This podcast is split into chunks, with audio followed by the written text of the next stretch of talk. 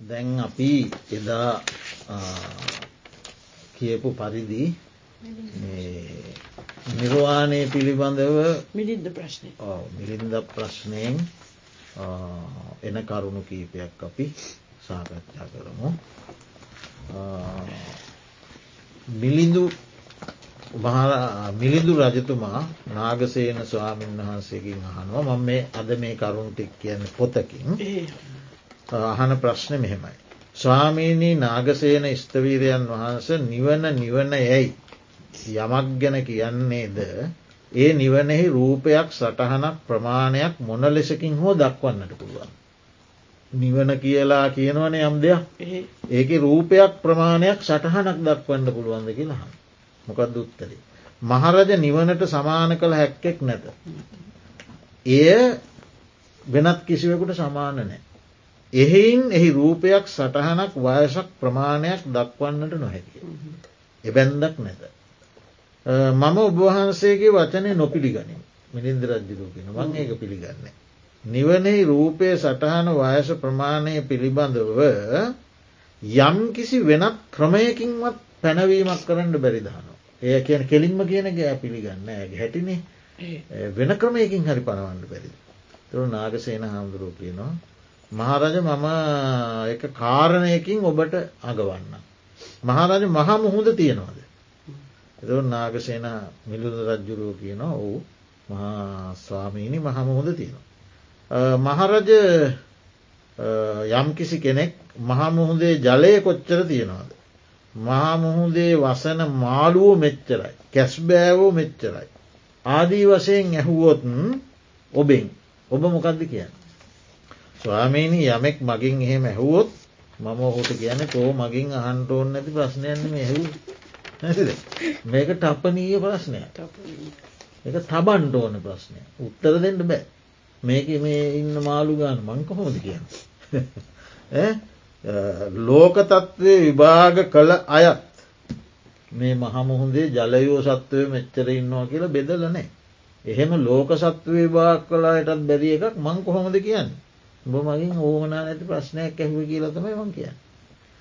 මහරජ කුමක්හෙයින් ඇසට පෙනෙන මහමුහුදෙහි මේ කාරණය නොබ කියන්න කුමක් හෙයින්ද. එහි ජලය මැන එහි වසන සතුන් ගැන බලා මෙපමණ දියකඳ වෙයි මෙපමණ සත්‍යයෝ වෙයි කියල කියන්න පුළුවන් වෙන්ඩපේ මේ පේන මහමුහුදක්න ස්වාමීනය කරන්න බෑ. ඒ ප්‍රශ්නය මට විෂය නෑ. ඒක මට විශේවන ප්‍රශ්නයන් නෙවෙයි කිව්ව කවුද කියන්න මිලිඳ රජ්ජුරු. තුර නාගසේ නාමුදුරු කියනවා මහරජ මහමූදෙහි ජලය මනින්නට එහි වසන සතුන් ගනින්නට නොහැක්කා සේ. නිවනේ රූපයක් සටහනක් වයසක් ප්‍රමාණයක් උපමාවක් දක්වා. මොන්නම හේතුවකින්වත් දක්වන්ට පුළුවන්කමක් නෑ. හරි චේතෝ වශීප්‍රාප්ත වූ ඉරුදි ඇතියෙක්. සිත වශීභාවයට පත් කළ. මහා ඉරුදිමතෙකුට යම් විදිහකින් මේ මහමුහුදේ ජලය මෙච්චර තියෙනවා මෙච්චර සත්තු ඉන්නවා කියලා මනින්ට ගනින්ඩ පුළුවන් වනත්. සිත වශීභාවයට පත් කළ කෙනෙකුට එහෙම පුළුවන් වනත් නිවනෙහිනම් රූපයක් සටහනක් ප්‍රමාණයක් ඔන්නම ලෙසකින්වත් දක්වන්න බෑ. එහිලා තවත් කරුණක් කියන්න. අරූපතලෙහි අරූප කායිකානම් දෙවි කෙනෙක්කින්න. අරූප ලෝකෙහි අරූපකායික දෙවිවරු කියලා දෙවිවරු ඉන්න. මහරජ නුබ ඔවුන් ගැන දන්නවද. මිරිඳ රජ්ජරෝ ගෙන ස්වාමිනි දන්නවා අහල තියෙන. අරූපකායික දෙවියෝ ගැන මං අහලතිය. මහරජයේ දෙවියන්ගේ රූපයක් සටහනක් වයසක් ප්‍රමාණයක් දක්වන්න පුළුවන්ද. බෑස්වාමීන්. හොඳයි එසේනම් මේ දෙවියෝ නොවෙද්ද. ඒ දෙවියෝ නැද්ද. දෙවියෝ ඉන්න ස්වාමී. එවනට රූපයක් සටහනක් වයසක් ප්‍රමාණයක් දක්වන්න බෑ. එකළොට රූපකයන්නේ දක්වන්න බෑ හැබැ දෙවියෝ ඉන්න. ඉතින් ඉන්නා වූ දෙවිවරු ගැන එසේ නොකිය හැකි නම්. ස්වභාවෙන්ම විද්‍යාමාන වූ නිවනෙහිද ඒ කිසිවත් දැක්වේ නොහැක. දැන් ඔබට වයසක් ප්‍රමාණයක් උසක් පලලක් පෙන්නන්ට බැරි ඒ ඉන්න දෙවිවරු ගැනන. ඒවගේ තම මේක නිවන තියෙනවා. නමුත් ප්‍රමාණයක් වයසක් සටහනක් දක්වන්න බෑ. එයාගේ තර්කයට එයාම උත්තරයක් දු. ස්වාමීණී නිවන ඒකාන්ත සැපෑත්තෙක් වේවා. එසේම එහි රූපාදිය ගැනත් කිසිවක් නොකිය හැකිය. ස්වාමීණී අනෙකුකු විසින් නොදක්නාලද උපමා දර්ශන මාත්‍රය වූ යම්කිසි ගුණයක් එහි තිබේද. ස්වාමීණි නිවන ඒකාන්ත සැප ඇති දෙයක් කියලමං පිළිගන්න. එහි රූපාදිය ගැන මං අයහන්න. ඒව කිසිවක් නොකයා නිවනේ යම් කිසි ගුණයක් උපමා දර්ශන මාත්‍රයෙන් පෙන්න්නට පුළුවන්න්න.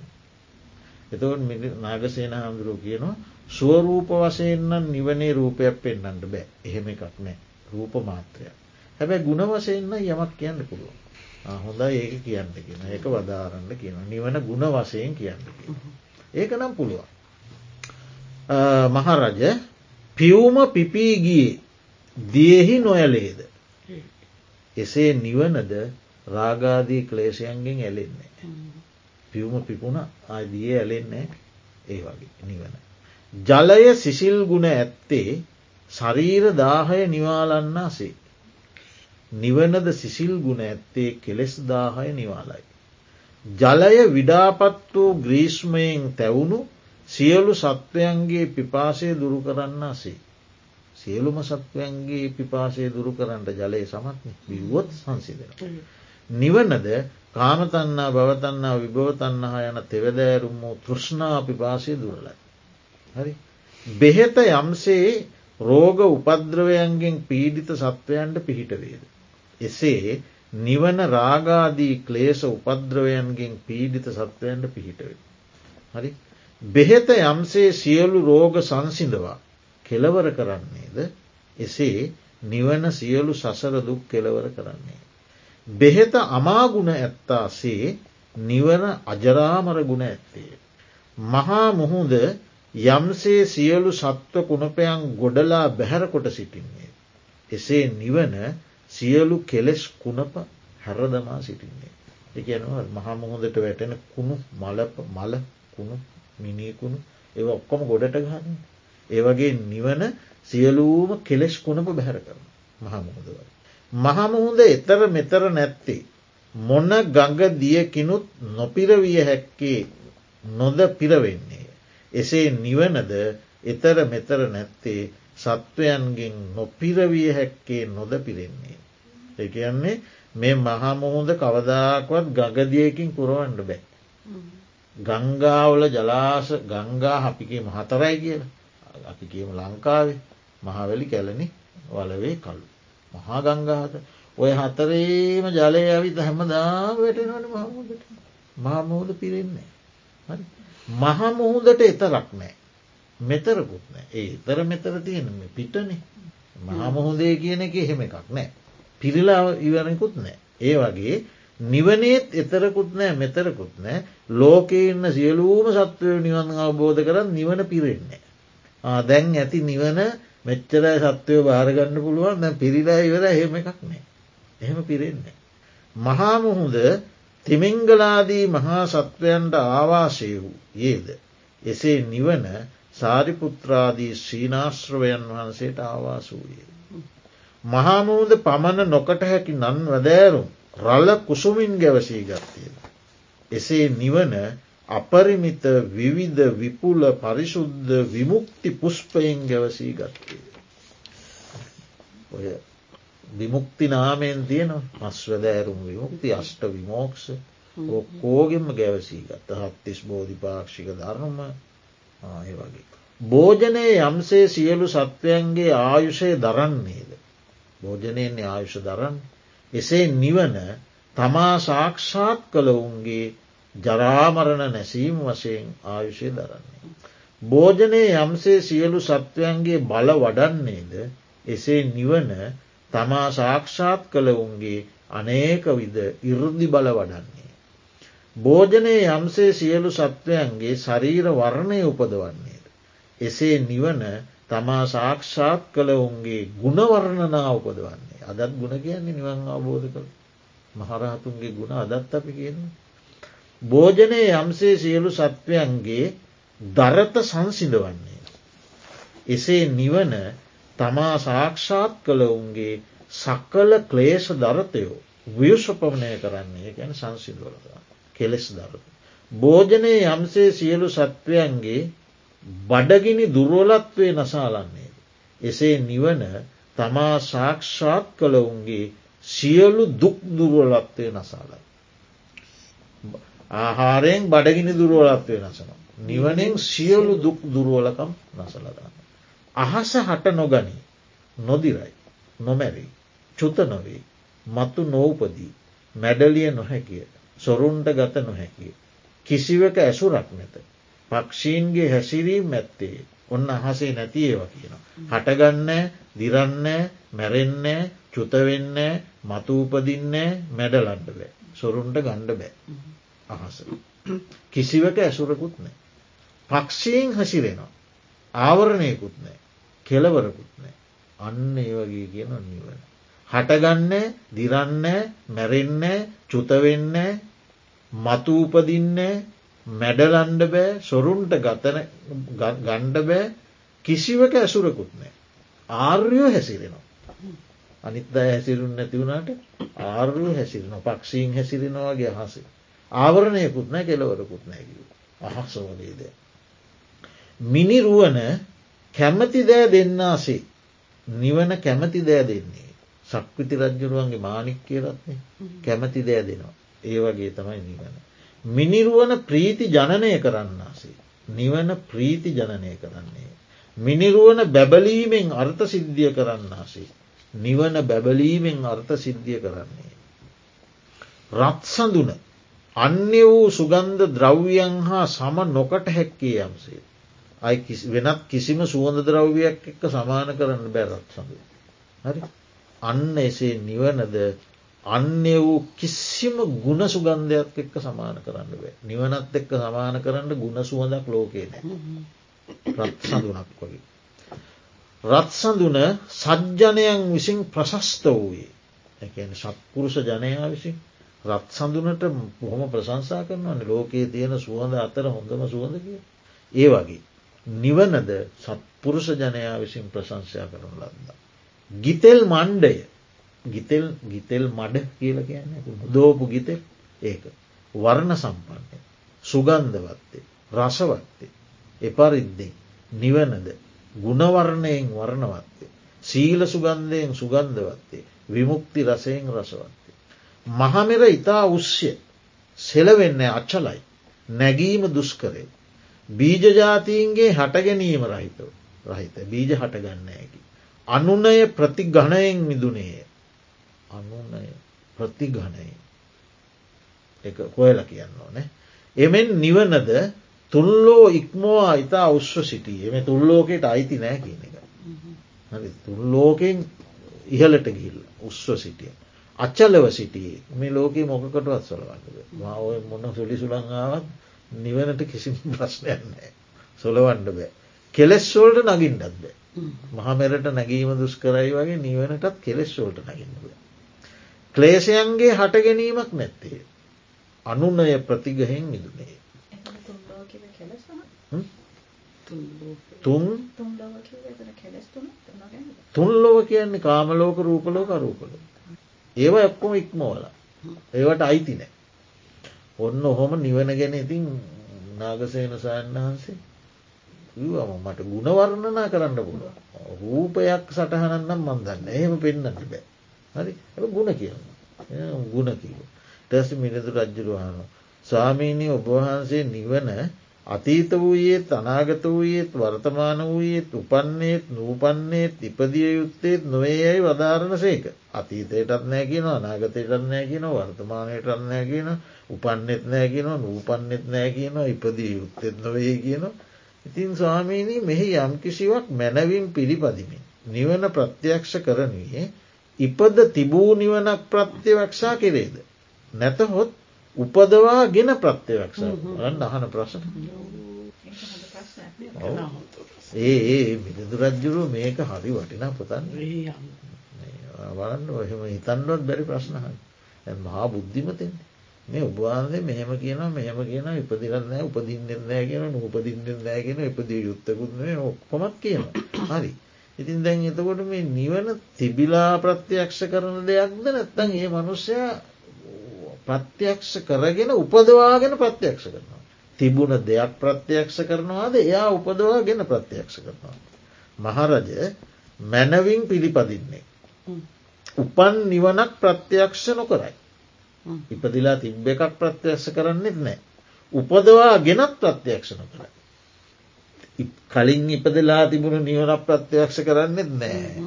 දැන් උපදවා ගෙන ප්‍රත්‍යයක්ෂ කරන්නෙත් නෑ. එහෙත් මැනවින් පිළිපදින්නේ. යම් නිර්වාණයක් ප්‍රත්‍යයක්ෂ කරේද. ඒ මේ නිර්වාණ ධාතු ඇත්තේමයි. තිබෙන එකක් ප්‍රත්‍යයක්ෂ කරන්නෙත් නෑ. උපදවා ගෙන ප්‍රත්‍යයක්ෂ කරන්නෙත් නෑ. හැබැයි මැනවින් පිළිපදින කෙනෙක් නිවනක් ප්‍රත්‍යයක්ෂ කරනවා. ඒ නිවනත් තියෙනවා. කොච්චර වරන්න උත්තරේ ඊට පස්සේ දැන් රජ්ජුරුවන්න දැ මේක ආයත් අහනොයිති. ස්වාමීනි ඔබවහන්සේ විසින්. ආලය ඇතිව උත්සාහ ඇතිව යම් ධර්මයක් උගන්නා ලදද. ඒ සියල්ලම මේ ප්‍රශ්නයේ බහාලුව මැනවි. මෙහිලා ලෝකීය ජනතවේ සම්මූටව සිටුනේ. හටගත් විමති ඇත්තේ. සැකයට වැටුනේ. මෙහිලා මමද සම්මූටයි මමටත් තේරෙන්නේ කියනවා. එයින් මාතුල උපන් සැකේ බිඳහරිනු වෙන. එක තේරෙන්නේ යායට රජ්ජුව. එතකොට ඔන්න හාමුදුර උත්තර දෙනවා. මහරජ සාන්ත සුකප්‍රනීත වූ නිර්වාණ ධාතුව ඇත්තේමය. මොනවට පිළිපන්නේ. මනාකොට පිළිපදින කෙනෙක් බුදුරජාණන් වහන්සේගේ අනුශාසනා පරිදි. සකල සංස්කාර ධර්මයන් මෙනෙහි කරනුයේ ඒ නිර්වාණ ධාතුව ප්‍රත්‍යක්ෂ කෙරේ. මහරජ අතවැසි තෙමේ ගුරුන්ගේ අනුශාසනා පරිදි. විද්‍යා විශේෂයන් උගන්නා සේ මොනවට පිළිවෙත් පුරණුයේ බුද්ධාස අනුශාසනා පරිදි නිර්වාණය නුවනින් ප්‍රත්‍යයක්ෂ කරන්නේ. එකන්නේ තමල්ළඟ ඉගෙනගන්න ගෝලේ ගුරුවරයාගේ අනුශාසනා පරිදි. විද්‍යා විශේධාරාවෙන් ගෙනගන්න. ඒවාගේ මේ බුද්ධ ශාසනයත් මනාකොට ප්‍රතිපත්ති කෙන පුරණ කෙනෙක් බුදුරජාණන් වහන්සේගේ අනුශාසනා පරිදි කටයුතු කළොත් නිර්වාණය නුවනින් ප්‍රත්‍යක්ෂ කරන. ස්වාමිනි නිවන කෙසේ දැක්ක යුතුද. මහරජ නිරුපද්දව විසින් උපද්‍රවනෑ. අභය විසින් භයනෑ. කෙහෙම විසින් නිදහස්.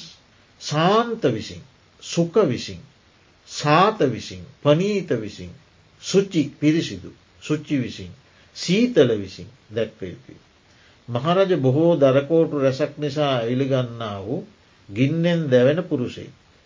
බොහෝ දරකෝටු රැසක් නිසා ඇවිලගන්තා වූ ගින්නෙන් දැවෙන පුරුෂේ. මහත් වූ උත්සාහයෙන් එයින් මිදී.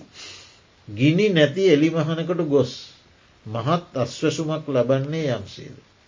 එසේ මොනවට පිළිපන්නේ යෝනිසෝ මනසිකාරයෙන් පහ කළ රාගාදීව් කෙලෙස් ගිනි තැවිලි ඇති කෙලෙස් ගිනි තැවිලි ඇති පරම සැපය වූ නිවන ප්‍රත්‍යක්ෂා කර ප්‍රත්‍යයක්ෂ කරන්නේ.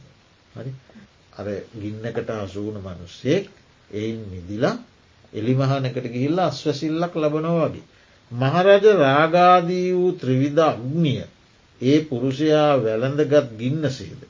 මොනවට පිළිපම් පුරුෂයා ගින්නට හසු වූ පුරුෂයාසේද. නිවන ගිනි නැති එලිමහන සේද දතයුතු. මහරජ යම්සේ නයි බලු මිනිස්සෑ කුණපයෙන් හා මළමූ රැසිං දැවටුණු පුරුෂේ. නයි බලු මිනිස් ෑ කුණප.